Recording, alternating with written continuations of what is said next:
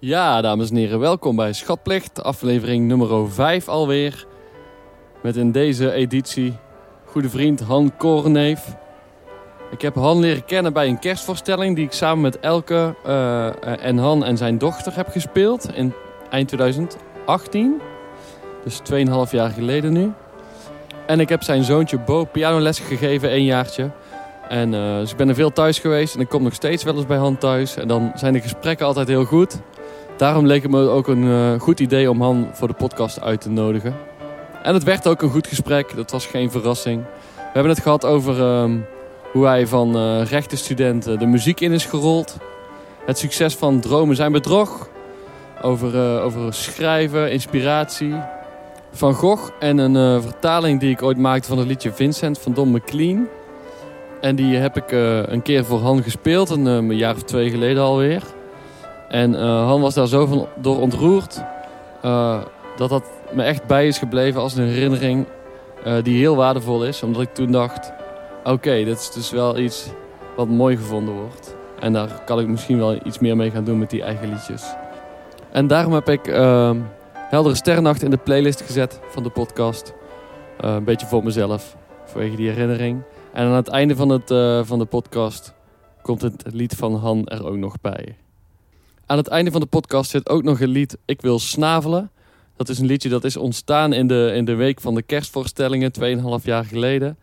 En daar hebben we nog steeds heel veel lol om, ook zoals je kunt horen aan het einde van het gesprek. En met de rest wens ik u ook veel luisterplezier.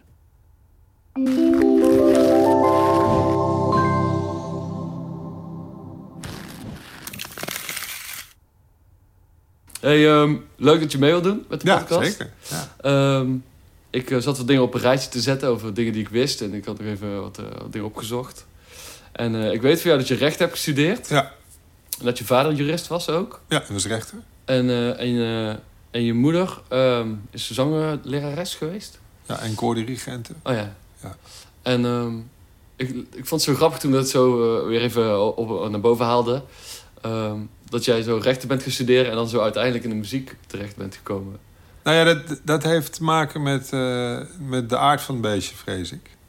Ik ben, ik ben uh, van nature een enorme vlierenfluiter. Dus ik was eigenlijk nooit zo bezig met wat ga ik nou later doen. Anders dan, uh, ik wil gelukkig blijven. want dat was ik al. Maar ik zag toch om me heen dat vooral mensen bij, bij het klimmen de jaren... toch een, een mondhoeken wat meer naar beneden gaan staan vaak. En, zo, en ontevredenheid. Ja, waar zag je dat dan?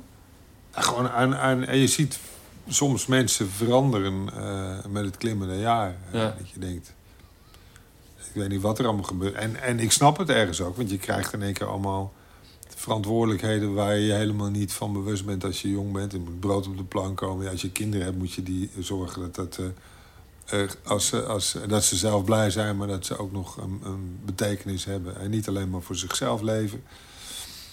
En, en uh, je moet rekeningen betalen, nou ja, van alles. En als je jong bent, ja.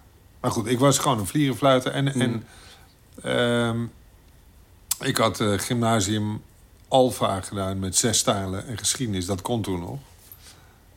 want anders had ik nou nog in, in de zesde gezeten waarschijnlijk. Ja. om wiskunde C eindelijk een keer binnen te koppen. En, en ja, dan, dan valt er al heel veel af. En toen had ik, nou ja, dan maar recht. Maar ik heb ook geen dag op de universiteit rondgelopen om me daarover voor te laten lichten of, of een boek over te lezen. Of, uh... Ik ben naar mijn vader gegaan, dat was een heel kort gesprek. Pap, is dat leuk, recht? Ja, jongens, een mooi vak. Nou, dan ga ik dat wel doen. Zo, dat was letterlijk ja, hoe het ja. ging. Ja. Toen ben ik naar Utrecht gegaan. Uh, en heb er met bloed, zweet en tranen mijn studie afgemaakt. Daar kan ik een heel lang verhaal van maken, maar hier komt het wel op neer. En toen was ik klaar. En, toen, en ik heb echt voor een groot deel uit respect voor mijn vader voornamelijk... Uh, die overigens ook heel goed muziek kon maken. Piano en kerkorgel. Maar uh, heb ik mijn studie afgemaakt. En ook wel dat ik ergens dacht van... Nee, ik moet toch iets. En, maar daarna was ik wel heel snel eruit van... Ja, dit, dit heb ik nu allemaal met mijn hoofd gedaan. Nu ga ik iets doen uh, met mijn hart. Ja. En toen ben ik de muziek ingegaan. Ja, want die overgang die had ik niet echt in mijn hoofd zitten. Hoe is dat nou gelopen toen? Hoe ben je toen de muziek is gekomen? Ben je gewoon ergens begonnen? Of schreef je al zelf dingen? Of, uh... Ja, ik schreef wel... laat ik zeggen, eh, eh, ik werd al van jongs af aan geprezen om mijn Sinterklaasgedichten. Eh, in het studentenhuis waar ik met 22 man woonde, als er een kerstdiner was. Dat was ieder jaar uh, supergezellig. Maar dan had je een ploeg die de tafels eh, mooi maakte... en een ploeg die in de keuken stond... en een ploeg die de wijn in zo. En ik werd mijn kamer opgeschopt. Van, jij gaat iets doen vanavond. Ja, ja. En dan, eh, dan eh, ging ik een, een gedicht maken. Dus het was toch wel bekend dat jij graag creatief bezig was. Ja, ja. Maar nog niet, nog niet beroepsmatig in mijn hoofd. Nee. Want ik wist eigenlijk nog steeds niet wat ik wilde worden. Ja. En toen ik af, afgestudeerd ben, het was eind 96. Of eh, sorry, eh, 89 was dat. Eh, toen, toen heb ik, denk drie maanden gesolliciteerd in de advocatuur en dat soort banen. En dan dacht ik, als ik, als ik daar zat, dacht ik, ja, dit is toch niet wat ik moet doen? Ik werd al ongelukkig als ik daar dan binnen zat tussen de mantelpakjes en... en eh, weet je. Ja. Maar nou, goed, dat is uiterlijk, dat zegt nog niet zoveel. Maar gewoon het feit dat je... Of zo. Dat, dat, Ja. ja. Ja, maar ook, ook gewoon de stof zelf. Weet je, ik denk dat ik eh, van de weeromstuit eh, had geprobeerd om de rechterlijke macht aan het lachen te krijgen. Dat lukte thuis in ieder geval goed. Mhm.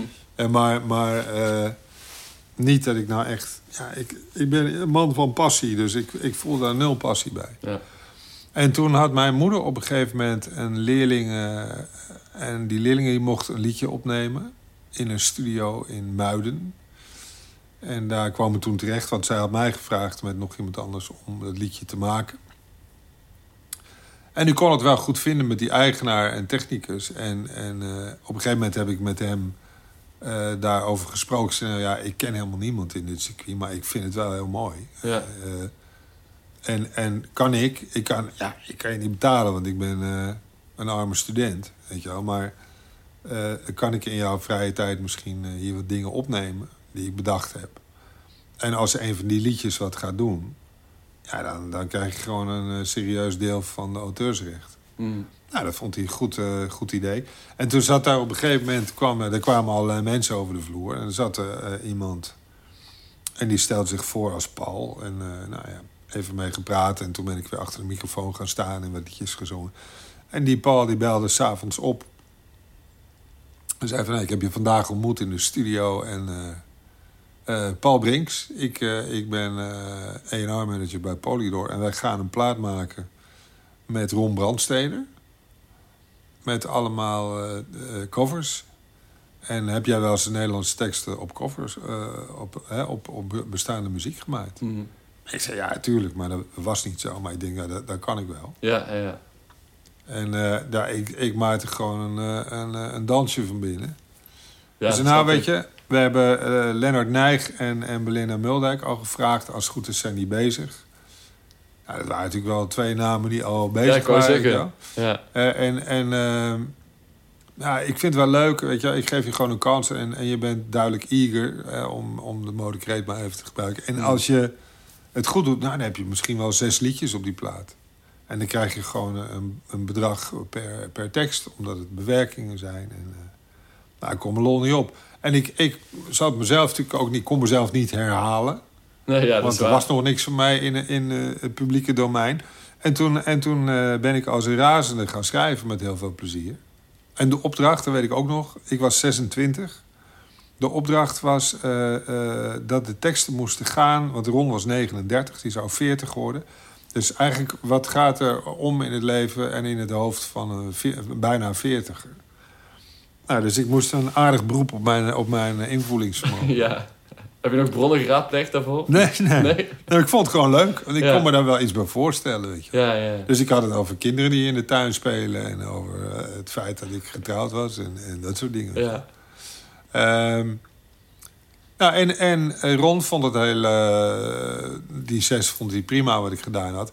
En, en Peter van Asten produceerde het. De oude producer van onder andere de Dolly Dots. En van, van eh, later Twarres. En die vond het ook leuk wat ik gemaakt had. Ja, en en eh, de rest had nog niks ingeleverd. Dus zei hij van, nou ja, ga maar door. En op het einde was er een duet met André van Duin. En die zou dan die tekst maken. Maar uiteindelijk zei hij in de studio, want die had nog niks eigenlijk. Zei, nou ja, maak je die, die dan ook maar. Dus mijn debuut was op, een- op een album dat uitkwam. Dat was inmiddels een cd. Eh, eh, Twaalf teksten op een eh, album van een, een bekende televisiepresentator. Dat En geeft zelfvertrouwen, neem ik aan dan toch? Nou ja, de, de- vooral omdat, omdat er goed op gereageerd werd Ja. door, door de mensen in de industrie. En daar ging het mij voornamelijk Ja, om. precies. Geen idee wat, wat gebruikelijk was als verkoopcijfers en zo. Ja. Eh, dus, en toen kreeg ik een, een uitgavencontract bij een muziekuitgeverij van Polygram. Eh, en toen, toen kreeg ik eh, een, een liedje op Kinderen voor Kinderen. En bij Willeke Alberti eentje. En allemaal dingen, de- ja, vond ik leuk. Weet je dacht van, nou, en het waren allemaal albumstukken. Maar ik kon daar niet van leven. En toen, en toen mijn, mijn toenmalige uitgever was toen nog getrouwd met Caroline Tens. Dus ik zei op een gegeven moment tegen hem... Wil, kun jij ze informeren bij Joop van den Ende eh, producties... of ze niet een schrijver nodig hebben, een redacteur. Nou, dat heeft hij gedaan. En toen ben ik daar gaan praten met de eindredacteur... eh, en, en die heeft mij toen aangenomen. Dus toen heb ik twee jaar eh, ruim daar in dienst gezeten. Daar heb ik ontslag genomen omdat ik niet meer toekwam aan het schrijven van muziek. En toen heb ik in de avonduren met mijn goede vriend Leo Driessen... eh, de teksten van eh Dromen en Bedrog en Waarom wil jij geschreven. Ja.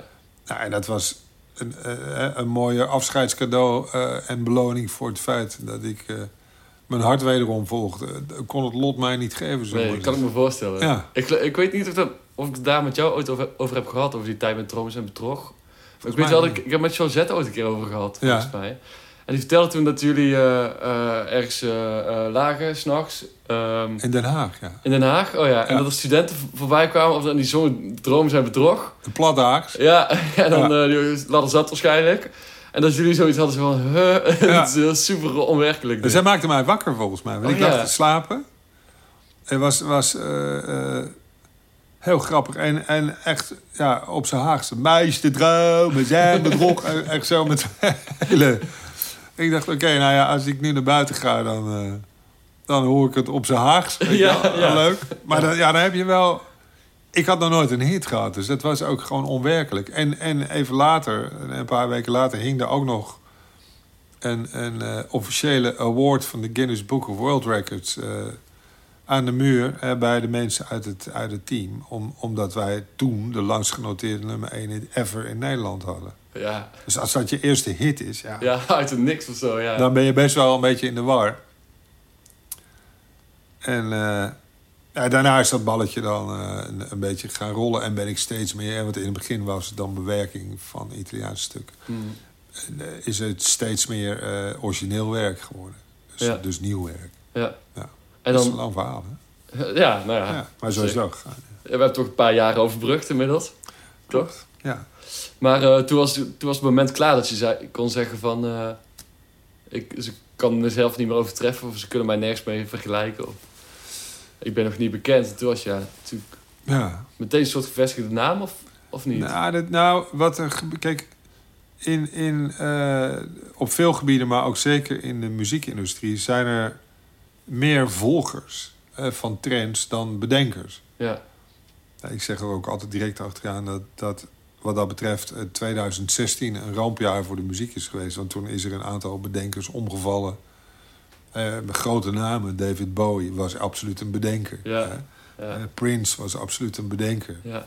Eh, Maurice White van Earth, Wind Fire... die heeft echt gewoon alle gaatjes van allerlei... maar je, je hoort direct van dat zijn zij. Ja. Leonard Cohen. eh, Ja, het- aan het einde van het jaar in Valkenswaard is er elk jaar de nieuwjaarssessies. ja. En dan eh, zijn er bandjes die doen dan voor de gelegenheid eh, een setje met de Queen of een setje met dit en dat. En toen hadden wij een setje met overleden artiesten van dat jaar 2016. Dus dat was Ja. 1 januari 2017. En er zat inderdaad Leonard Cohen, Bowie, eh, Ja. maar ook Eddie Wiley en zo. En toen hebben we dus gewoon Ja. zo'n hele Ja. potpourri aan, aan eh, George liedjes. Michael ook Ja. George Michael ook nog, ja. Echt bizar hoeveel grote namen en grote artiesten er in dat jaar eh, ons zijn ontvallen. Ja, klopt, ja. Ja. ja. Dat is wel maf. ja. Hey, en sinds eh Droom zijn bedrog, heb je veel... Heb je meer muziek of meer tekst gemaakt? In eerste instantie, eh, omdat ik voornamelijk voor Marco Borsato bezig was... eh, eh, daar waren de rollen zo verdeeld dat John eigenlijk de muziek maakte en, en, en ook teksten. Maar, maar ik, als ik meedeed, dan, dan was het met tekst. Ja. Ehm, en en ja, op, op een gegeven moment... ik maak net zoveel muziek. en net zo graag ook, als dat ik teksten maak. Dus op een gegeven moment dan heb je het gevoel dat je met twee benen op één been eh, een, een rondje moet rennen iedere keer. Ja. En ik, ja, ik wil de andere been ook eh, meedoet. Mm. Dus ik ben ook gewoon eh, daarnaast eh, andere dingen gaan doen. En op een gegeven moment eh, ben ik überhaupt zeg maar, eh, daar weggegaan. En ook gewoon om mijn horizon te verbreden. En heb ik eh, veel ja, van alles gedaan. Van, van neoclassiek tot eh, Engelstalig. Tot eh, de muziek op Franse teksten van een, van een Française eh, uit Parijs. En, en voor Nederlandse jongen weer. Die, die, nou, ja, gewoon veel. Ja. En, en die, die breedte die spreekt mij enorm aan. Ja. Maar dat houdt het ook leuk en spannend. En ik hou van heel veel verschillende stijlen eigenlijk. ja, want je wil ook zelf geïnteresseerd blijven in verschillende dingen. Dat kan me heel goed Precies. voorstellen. Ja. Ja, maar jezelf ook scherpen hè, en on, Ja. on- blijven ontwikkelen. Ik ben niet helemaal autodidact maar, eh, op muzikaal gebied, maar in, in een aantal opzichten wel. Mm. Hè, dus, dus het is ook gewoon echt learning by doing voor een groot deel. En, en vlieguren maken. ja. En, en ik heb heel veel in mijn leven naar muziek geluisterd. Als kind vooral klassiek. Daar ben ik nog steeds blij mee. Het is een prachtige basis. Ja. En eh, ja, nog steeds naar klassiek. Maar, maar ja, totaal verschillende dingen. Van, van ja, eigenlijk wat ik zelf ook leuk vind om te maken. ja, ik vind het mooi, want we zitten nu in jouw studio. Ja, En ehm, je hebt een hele mooie eh, lange kast. Aan Ja. één eh, lange zijde van de, de studio. En dan zie je ook heel veel boeken. En ik vind het altijd heel fijn als ik hier ben om zo een beetje eh, gewoon te kijken in die kast Ja. wat er allemaal staat. En dan ja. ja, kom je er wel een beetje achter wat je dan eh, gelezen hebt of interessant vindt. Je ziet daar ook echt zo- zo'n hele plank Beatles ook en een plank van. Gogh. En, ja. Dat vind ik wel mooi. Ja mijn voorkeur eh, wijzen zich ook wel. Hè, de woordenboeken. Ja, ja Sowieso. plank. eh, eh, ja, dingen over eh, de Bijbels. Die tweede van boven daar. Ja, de- een bijbelplank, een Van Gogh plank en een Ja. Beatles plank. Ja. dat vind ik... Ik had ze ook opgeschreven als onderwerp om het, om het eventueel over te hebben. Alle drie. Alle drie, ja. Oh, mooi, mooi, mooi. Sowieso Van Gogh, want één moment dat voor mij heel, ja, wel belangrijk was... Of, dat ik hier tijdens het... eh, eh, dat we gingen repeteren voor eh, de kerstvoorstelling die we Ja. samen hebben gedaan. Ehm, die vertaling van, van Vincent, van Ja. eh, Don McLean voor je heb ik gespeeld toen. Ja, uit de tranen over mijn wangen. Ja, en toen, dat was omdat ik schreef, ja, ik had toen net een paar liedjes geschreven zelf, denk ik. Ja, En ik had die vertaling gemaakt, maar dat, nou, niet, meer, niet meer dan tien stukken waren dat, denk ik. En ik twijfelde daar een beetje over en dacht van, ja, waar moet ik dan nou mee? En Ja. kan ik daar iets mee? Zo. En toen zag ik dat jij zo ontroerd was, toen dacht ik van, oh ja. En achteraf denk ik van, toen dacht ik echt van, ja, het zou zonde zijn om daar nou niks meer mee te doen. ja zeker. Nou, Ja. ik ben blij dat je het wel gedaan hebt. Ja, Maar dat, dat, ja, ik vond het zo raak. En ik heb aardig wat eh, eh, van die boeken gelezen ook. Mhm. Hè, dus, dus ik zeg wel eens voor de grap... Nou, ik zou waarschijnlijk inmiddels best wel een aardige rondleiding... door het museum kunnen geven. ja, Maar ik herkende zijn verhaal daar gewoon heel erg in. ja, Weet je, en, en dat ontroert mij sowieso. Want die man ontroert mij. En zijn verhaal ontroert mij. Maar ook hoe je het gedaan had. ja, Dus ik kwam dat bij elkaar. ja, mooi. Ja, Ja, dat, is- dat verhaal van Van Gogh is ook een soort van die struggle die hij heeft gehad. Dat, dat is, ja, daar kan ik soms echt een soort van hoop uit halen of zo. Als je dan denkt, oh Ja. ja, die man heeft, die, die geloofde zo erg in wat, dat hij dat moest doen. ja, Ook vanuit zijn hart, eigenlijk waar jij ook eh, na die rechtsstudie zoiets had van, ja, nou ik moet iets met mijn hart doen. Daar heeft hij ook zijn hele leven soort van mee gestruggeld. En ja. dat is, en dat vind ik gewoon, ja, als je dan denkt van dat hij zo hard heeft gewerkt al die jaren en zo moeilijk heeft gehad, dan eh, ja, de troost, een soort van troost zit erin of zo. Ja, en het is, het is ook zo'n grootste gemene deler eh, voor ontzettend veel mensen met een creatieve geest. Hè, die, die, die, die doen dat vaak in, in weerwil van zichzelf, omdat ze dat talent nou eenmaal hebben. Eh, maar, maar op een of andere manier, doordat je, dat is althans mijn bescheiden mening, maar doordat je antennes op je hoofd hebt die anders werken eh, dan de gemiddelde antenne eh, is het af en toe lastig. En, en ik denk ook dat, dat veel liedjes in eerste instantie ontstaan uit een soort eh, eh, zelfbehoefte Hè, om, om iets wat in je eh, speelt, om dat te uiten. Ja.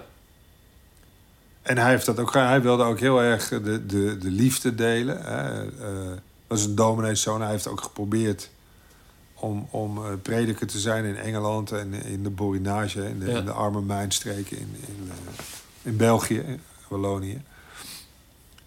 Nou, dat ging niet helemaal eh, goed, zeg maar. Eh, en uiteindelijk, ja, hij wilde zo graag hè, die liefde delen die hij voelde. En, en je hebt de, de tweedeling, eh, de, de paradox eigenlijk. Aan de ene kant was het een hele ongelikte beer om te zien. Hij heeft zelfs een houten kunstgebit gehad nog. Ja.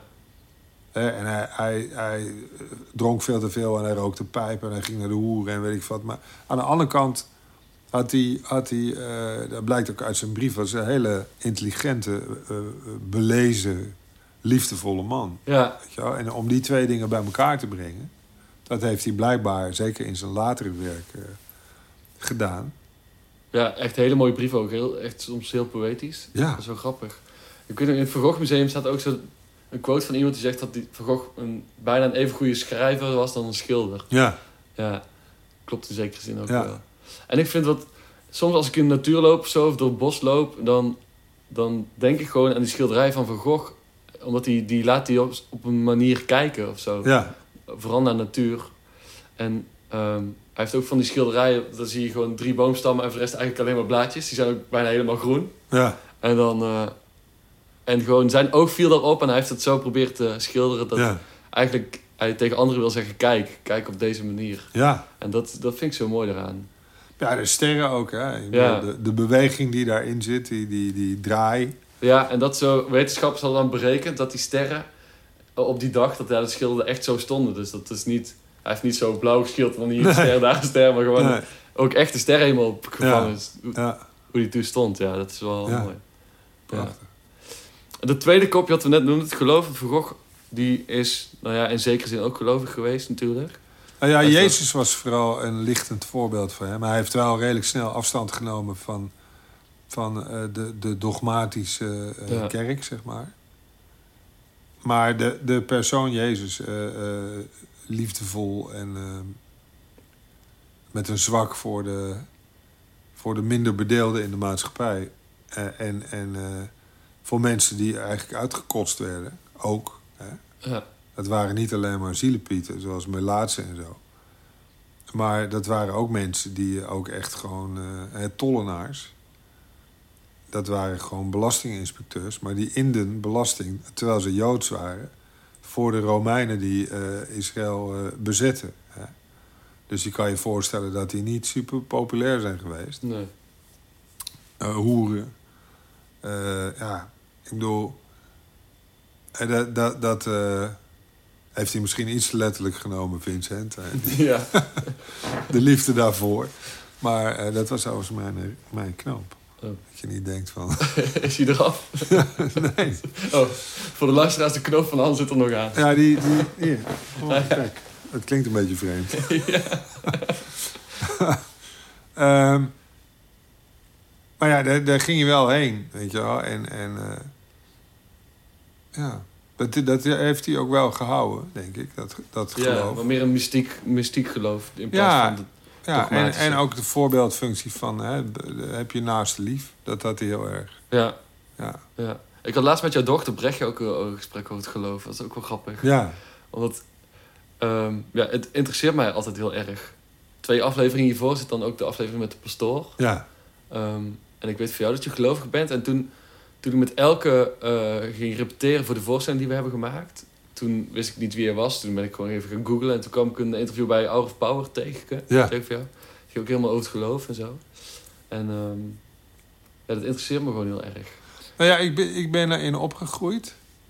Het heeft me altijd aangesproken. Ik geloof ook omdat ik weiger te geloven dat, er, dat het allemaal toeval is. Mhm. Ehm, en dat is, dat is meer, af en toe meer een besluit dan een gevoel. Want ik, ik kan ook gewoon twijfelen, uiteraard. Ik bedoel, eh, als je om je heen kijkt, dan is er genoeg reden tot twijfel. Mhm. Van tijd tot tijd. Eh, maar ik heb ook weer genoeg meegemaakt waardoor ik denk, nee, dat is echt geen toeval. En ehm, ik ben in ieder geval geen hardliner, weet je. Ik ben, Nee. ik ben niet eh, iemand die mensen met de bijbelteksten om, om de oren slaat. Eh, eh, probeert ze te redden of, eh, weet je... Ja, dat vond ik zo mooi in het gesprek met de pastoor ook, want die liet ook nog heel veel open. Terwijl ik had een soort van verwacht dat een pastoor wel zou zeggen, nou zo zit het, zo zit het, zo zit het, zo zit het. Maar dat was helemaal niet. En hij zei ook, ja, het geloof of het vertrouwen dat het, dat het zo is, is belangrijker dan het feit of het daadwerkelijk zo is. Ja, En dat vond ik, toen dacht ik van, oh ja, dat, dat vond ik echt ook heel mooi. Want ehm, ik ben wel redelijk allergisch voor, zeg maar, gelovigen die, die zeker weten dat het zo is. Die zeggen, Ja. nou, zo zit, zo zit het. Als je anders denkt, dan... eh, ja. En meestal zie je in het nieuws zo de extreme. En dan zie je, zie je Staphorst en Urk. En, dan, eh, en Ja. die geven dan een beeld weer van de gelovigen zo. Terwijl de alledaagse, normale gelovigen, die staan daar heel anders in. En dan... ja. Nou ja, het is, het is denk ik ook waar je opgevoed wordt. Hè? Als je in een kleine gemeenschap eh, zit en blijft, waar dat heel normaal is, ja, dan was ik waarschijnlijk, ja, waarschijnlijk ook zo in ieder geval geweest totdat Ja, je ja. daaruit gaat. En dan is het nog maar de vraag of je het loslaat. Maar, maar eh, nee, ik ging wel met mijn ouders en mijn zusje naar de kerk vroeger. Eh, maar vaak met hockeytas achterin. En Ja. dan ging ik direct na de kerkdienst eh, door naar de sportvelden. Mhm. En weet je, ja, het is ook niet van dit mag niet op zondag of weet ik veel wat. Nee. Gewoon eh, blij en, en eh, God is liefde. Ja. Dan scheelt een hoop, hè? In plaats van dat het een, een boze man is met een bijl, bij wijze Waar van je straf voor spreken. krijgt, ja. Die, Ja. die zegt van, je hebt dit niet goed gedaan. En eh, ik denk over heel veel naar daarover ook. Maar ik, ik zou dat ook verschrikkelijk vinden als ik me daarin zou vergissen. Eh, want ik bedoel, uiteindelijk zijn wij eh, nogal onvolmaakt eh, op de wereld gezet. En met een vrije wil, die we ook nog heel goed eh, op, een, op een, laat ik zeggen, niet al te eh, liefdevolle manier kunnen gebruiken. Mhm. Maar ja, zo zijn we gemaakt. Ja, Dat wil niet zeggen dat je, net zo goed als dat je aan de ene kant, vind ik, niet moet zeggen: ja, ik geloof in God, dus ik, ik ga met mijn ogen dicht eh, door het verkeer heen rijden. ja. Moet je aan de andere kant ook niet denken: van nou ja, we zijn nu al eenmaal gemaakt in, met, met alle beperkingen en ook een slechte donkere kant. Daar kan ik niks aan doen. Mhm. Want eh, de, de, het ligt er Ja, ergens een in soort de. balans is dat. hè? Ja, een soort balans Ja, zit daarin. het- want je zei het over het oordeel, zei de pastoor. ehm, ja, oké, je wordt. Er komt een soort laatste oordeel, maar vanuit liefde. ja, dat denk ik ook. En, dat, dat, en toen dacht ik van, oh ja, dat is weer een totaal andere manier om daarnaar te kijken. Om, om, ja, dat het laatste oordeel dat gewoon vanuit liefde is. Dat denk ik ook. Kijk, je, je, a- als kind eh, denk je veel meer, in ieder geval ik wel, zwart-wit. Ja. Je denkt van, nou ja, je hebt lieve mensen en, en slechte mensen. Mhm. En dat die slechte mensen op een plek terechtkomen waar het niet leuk is. Nou, net goed. Dat denk je als kind. Ja. Hè? Ja.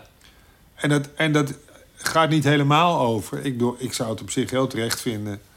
als, als de, de echte slechterikken... Hè, eh, in ieder geval, zoals sommige mensen beweren... zoals Kubler-Ross bijvoorbeeld... die, die de bijna doodervaring heeft bestudeerd. Dat heeft verder niks met religie te maken. Maar die, die zegt van... nou, die mensen, wat ze ook voor gezinten hadden... die hadden wel... eh, dezelfde ervaringen in principe. Je wordt opgewacht door iemand waar je van hield die eerder is overleden, al is het maar een minuut eerder.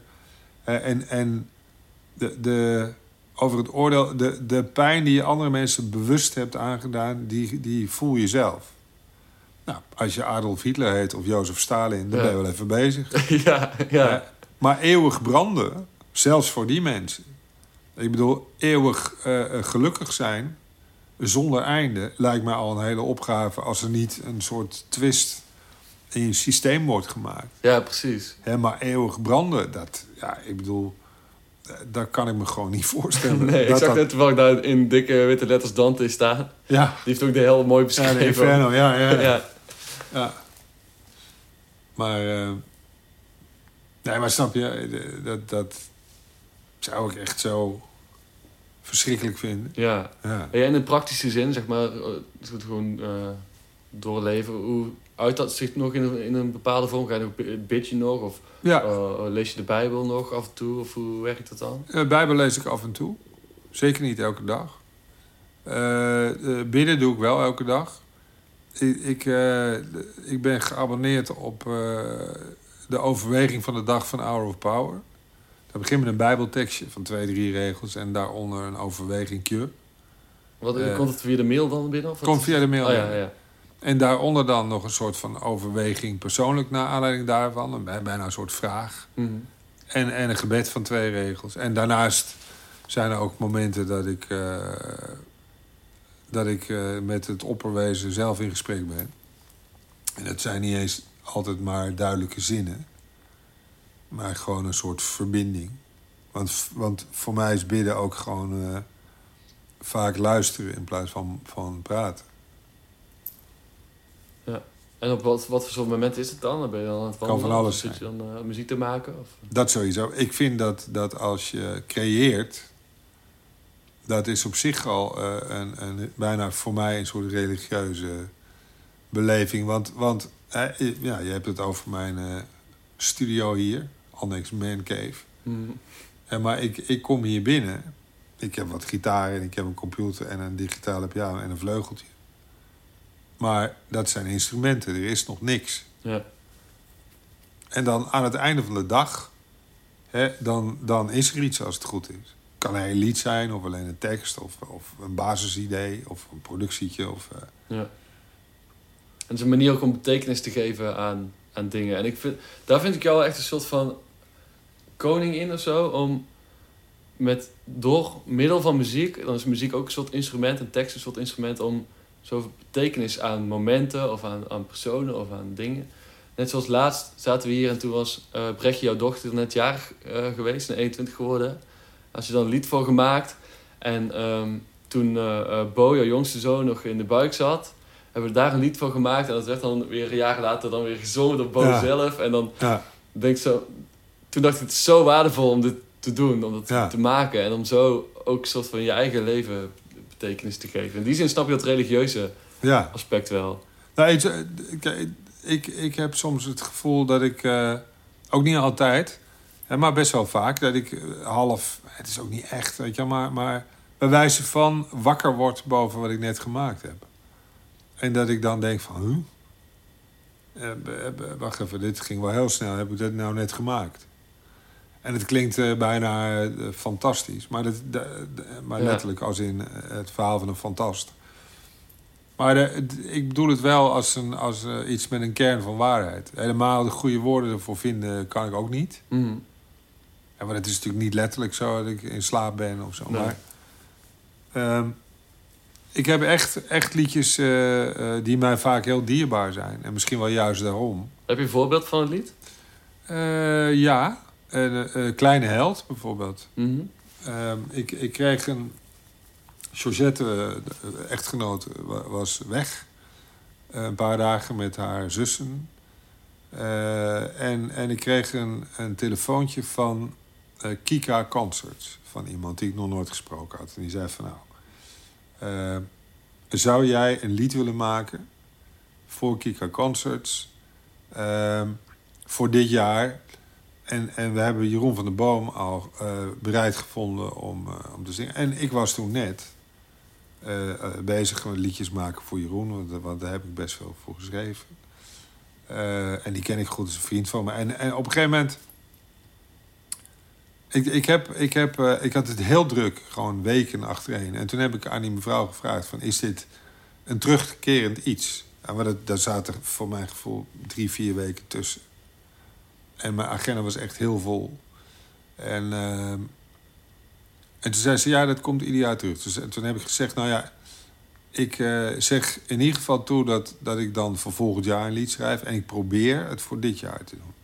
Kunnen we dat afspreken? Ja, graag. Nou, daar ben ik al heel blij mee. Mhm. En toen had ze opgehangen. Ik keek op mijn horloge. Ik denk, nou, ik heb nu een uur voordat ik moet gaan koken voor de kinderen. En, eh, en eh, toen ben ik gaan schrijven. En, en binnen een uur was daar het nummer Kleine Held. En, en dat was eh, de, echt... maar dat raakte mij zo dat bij mij... eh, ja, echt gewoon... Het lijkt wel... Ja, ik heb bij jou zitten huilen bij het lied, maar hier ook. En het, nou, dat, als me dat tien keer in 30 jaar schrijven is gebeurd, dan is het veel. Ja. Dus het is niet eh, eh, gebruikelijk. Maar het raakte mij enorm. Ik heb ook eh, van dichtbij eh, meegemaakt dat, dat een heel jong eh, kind van een hele dierbare vriend aan, aan kanker is overleden. Mm. Dus, dus helaas hoefde ik daar mijn eh, empathie niet op los te laten. En, maar dat was, er, dat was er zo snel en het kwam zo makkelijk en zo vanzelfsprekend. Weet je wel, dat het bij wijze van spreken eh, voor mijn gevoel eh, 10 centimeter boven mijn hoofd hing. Ja. Zonder dat ik dat had gezien, maar dat hoefde ik alleen maar uit de lucht te plukken. Zonder, Ja. Dus dat door iets of iemand anders al eigenlijk is geschreven. Dat jij alleen Ja. het vuile werk opknapt of zo. Ja, dat, dat voelt ook echt zo. ja dat is heel maf, ja. En niet dat het alleen maar door een ander is, maar, maar het, het voelt voor mij dat, dat veel van wat ik maak. eh, dat zelfs als ik alleen in mijn studio zit, dat het toch als, als een go-ride voelt. Maar dan met God of Ja. het universum, of hoe je het wil noemen. Ja, ja. Dat. Ja, het zijn ook vaak andere woorden voor hetzelfde ding, hè? Dat is God, Ja. universum zo. Ja. Ja. Ja. Ja. Ik vroeg me af met ehm, de Beatles. Ja. Eh, want dat is natuurlijk wel eigenlijk net voor jouw tijd, denk ik echt, hè? Of ben je nog wel bewust opgegroeid met de Beatles toen ze actief waren? Nee, dat kwam voor mij eh, op de middelbare school, begin, Oh ja. weet je wel. Ja. En, en, en dan ook nog, en dat geeft ook aan dat ik... Ja, ik ben in 63 geboren, maar toen waren ze al bezig. Ja. Weet je wel. Eh, ehm, maar op de middelbare school heb ik het, het rode verzamelalbum en het blauwe Oh ja, verzamelalbum. ja. Eh, en mijn liefde ging al heel snel en mijn voorkeur al heel snel naar het blauwe uit. En want rood was leuk, hè, met rock'n'roll liedjes. En, Mm. eh, I Wanna Hold Your Hand en zo. eh, allemaal dikke hits. Maar eh, bij blauw vond ik veel spannender. En muzikaal gebeurt daar van alles. Eh, eh, productioneel gebeurt daar van alles. En textueel eh, hoor je bij wijze van spreken de, de LSD eh, tussen de... ja. Dat was die tijd. Hè. Ik ben zelf helemaal geen drugsgebruiker. Althans geen andere dan, eh, dan alcohol. Mm. Af en toe. En maar maar dat hoor je door de regels heen sijpelen, bij wijze van Ja. spreken. ja, het is echt onvoorstelbaar dat ze er binnen, wat is het, acht jaar, zeven, acht jaar, Ja, al die muziek hebben gemaakt. Al die verschillende dingen ook. ja. Ja, dat, blijft een soort van mind-blowing eigenlijk, ja. ja en, en ik, ik blijf... Dat, ik zag bijvoorbeeld eh, eh, bij James Corden in de auto... eh, Paul McCartney in. Liverpool. Ja, Daar word ik weer even een klein jongetje. Dat is Ja. heel grappig. Want dat is echt... Er, zijn maar weinig helden hè, die, je, die je in je leven hebt... als je hetzelfde vak gaat beoefenen. Want dan ga je er toch anders tegen aankijken. Mhm. Maar bij hem ja, heb ik dat nog, nog steeds. Weet je. Dan denk ik, oh man, ja. een Beatle. Weet je. ja. Wauw. ja. Ja. Dat is grappig. Ik heb hem één keer live gezien Ja, op een festival in 2016, 17, zoiets denk ik. ja, En ehm, ik had er heel veel zin in. En eh, hij sloot dan af. En eh, nou, helemaal gaaf. En dan sta je daar te wachten. En dan zoek je een mooi plekje en zo. En toen eh ging de lichten zo uit. En eerst was het een soort van... ehm, eh, ja, filmpje te zien met allemaal grote hits. Die kwamen Ja. zo heel snel voorbij. En, en op een gegeven moment zag ik zo in de coulissen ook zo Paul McCartney lopen. En ik had in één keer zo... Huh? Huh? Hoezo dat Paul McCartney daar? dat Ja. kan eigenlijk helemaal niet. Die, die staat in geschiedenisboeken en dat is soort van... maar die, die, die loopt daar echt nou. Ik was Ja. echt zo van... eh dat was ik helemaal niet voorbereid zo. Dat, dat het hem echt was. Dat was heel raar. Nee, ik heb dat met een paar mensen gehad bij, bij live concerten. Paul McCartney heb ik in Gelderdoom gez- gezien. Eh, Sting in Gelderdoom vond ik ook fantastisch. Eh, Roger Waters met The Wall Oh ja. vond ik ja, ook. Ja, ja. dat is ook een instituut. Ik ben enorm van Pink Floyd ook. Ehm, eh, Stevie Wonder in Ahoy. Ook gaaf. Ja, Ja, hij is ook zo'n man dat je denkt van ja, goh. ja goh, inderdaad. Denk je wel, ja. hij is echt. Ja. Ik, heb, ik heb ooit in Studio Wisseloord eh, was ik een, een lied aan het opnemen. En toen liep ik de gang op. Toen stond ik in één keer pontificaal naast Phil Collins. oh, ja. Ja. Dat was ook zo'n moment dat ik... daar- Maar ik, ik heb dan... Ik val niet achterover of zo. Oh, ja. Weet je, want, want ik heb... Ik heb eh, wel een beetje ontzag, maar niet zoveel dat, dat, dat ik awestruck ben. Zeg maar. Nee. Als ik, ik heb wel respect, dat is iets anders. Hè. ja, precies. Maar hij was de hele tijd aan de lijn, helaas. Want anders had ik gewoon even kort... gemaakt. Ja, had ik leuk gevonden. Ja, ik moet in één keer denken, ik, ik heb één keer in een boek, boekenwinkel in Amsterdam, was ik daar en toen liep ik naar buiten en toen eh, liep ik tegen Herman Koch aan. Die, Oh ja. die kwam net de winkel binnen en ik, ik was zo, en ik zag hem, ik schrok gewoon heel erg dat ik in één keer Herman Koch Ja. zag of zo. En toen schrok ik heel erg en dat was een heel gênant moment, zo heel ongemakkelijk. Is ook maar niet tot een gesprek gekomen. Wat zeg je? Is ook niet tot een gesprek gekomen. Nee, ik denk snel weg hier. Ja. ja, ik heb ook een keer eh Mick Hucknall van, eh, van Simply Red. eh, Mhm. Maar dat was in mijn studententijd. Dat, eh, ze waren nog niet zo heel bekend, maar al bekend genoeg. En ik vond dat nummer Holding Back the Years heel mooi. Weet Oh je? ja, wel, ja. Met, die, met die pet en die, en die wandelstok door het glooiende landschap liep Ja. in die clip. En ik kwam op een maandagavond in de Woelemeloe, de studentendisco in Utrecht. En het was hartstikke rustig. Ik denk dat er 50 man binnen waren. En ik zie in één keer een man met zo'n rode lok en een pet en een wandelstok op eh, de dansvloer staan. Nou ja, uiteindelijk toen hij een beetje uitgedanst was, eh, ging ik naar hem toe. Toen zei ik van, joh, weet je wie je heel erg lijkt? en toen zei hij tegen mij, I beg your pardon. En toen zei ik, ja, ja, tuurlijk man. maar toen zag ik, zag ik iets verderop, zag ik in één, die, in één keer die toetsenist. Dat was een, een, een zwarte man met, met zo'n gekleurde baan in zijn haar. Oh ja, oh, die herkennen je dan ook wel, ja. Toen dacht Ja. ik, oké, ja, dat, dat, ja. En toen ben ik even gaan vragen van, jongens, is dat... En die hadden dus een optreden in Vredenburg gehad. Dat Ah, wist ja. ik niet. Daar hebben we even een biertje met hem gedronken. Gaaf. Heeft hij heel snel opgedronken, want hij was op, eh, op jacht. Mm, Oké. Ja, dat moet je niet bij mij zijn. ja, helaas. Dus, ja. geslacht. Ja. ja. Ja, in het begin van de aflevering zei ik al dat er aan het einde Ik Wil Snavelen zou komen. Ik heb eh, het liedje dat Han en ik een keer verzonnen hadden toen we aan twee vleugels zaten uitgewerkt. En in het gesprek hadden we nog heel veel lol om dat liedje. En ehm, daarom voor jullie hier Ik Wil Snavelen.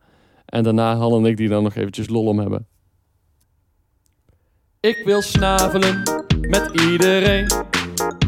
Nou ja, met de dames dan alleen. Wil snavelen met oud en jong. In wiens mond mag ik logeren met mijn tong? Ja, dames en heren, het is weer zaterdagavond. We gaan snavelen. Goed zo. Ook achterin. Ik wil snavelen met iedereen. Nou ja, met de dames dan alleen. Ik wil snavelen met oud en jong. In wiens mond mag ik logeren met mijn tong? Nog even over onze hit, eh, ik wil snavelen. Ja, nou. Dat was wel een mooi moment, hè? Echt met die twee vleugels zo tegen Ja. elkaar. ja, buiken tegen elkaar van die vleugels. Ja. En, en eh, we waren een beetje aan het kloten. Hè? Ja, En eh, behoorlijk aan het kloten. En behoorlijk aan het kloten. Gewoon puur eh, baldadig gedrag. En toen kwamen we op de hit... eh, ik wil snavelen. Ik wil snavelen, ja. Ik Ja. zal ook echt nooit meer vergeten hoe snel jij op de zin kwam. In wiens mond mag ik logeren met mijn tong? Die vloepte zo uit jou, ik denk...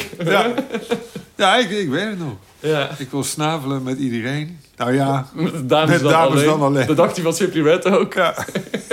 ja precies. Ik wil Eh, snavelen met oud en jong. ja, in wiens mond mag ik logeren met mijn tong. Ja, Ja. dat. Dus ja. qua leeftijd zat er geen discriminatie bij. vonden wij zelf heel grappig. En het allermooiste was dat die stagiaire die het licht deed toen... Ja. De, de dag daarop naar ons toe kwam van... eh, ja, waar kan ik dat lied vinden? Want ik heb overal gezocht. Misschien moet ik een keer opnemen. ja, nou, dat lijkt me sowieso hele Ja, alsnog. Ja. Was overigens ook gewoon, eh, ja... Denk met heel veel plezier aan terug. Die week, ja, was Ja. goed, hè? Ik, ik heb ook Geweldig. die pia ik heb piano-walsjes gemaakt. En die ben ik nou bijna een soort van klaar mee. Zijn bijna een soort van af. Ja. En eh, ik was, toen was ik zo één, was ik aan het spelen. En toen zei hij, "Ja, dit doet me echt heel erg denken aan de Indonesische componist Erik Saté. dat vond ik ook heel Kan ik me helemaal niet herinneren. vond ik ook heel goed, ja. Erik Saté. Ja, ik wil Hans super erg bedanken voor het eh, fijne gesprek wederom. En ik hoop dat jullie ervan genoten hebben. Ehm, Het lied dat Han voor de playlist heeft uitgekozen is Undertow van Genesis. En ik was het tijdens het gesprek helemaal vergeten, dus dat heb ik, dat heb ik na de rand nog gevraagd.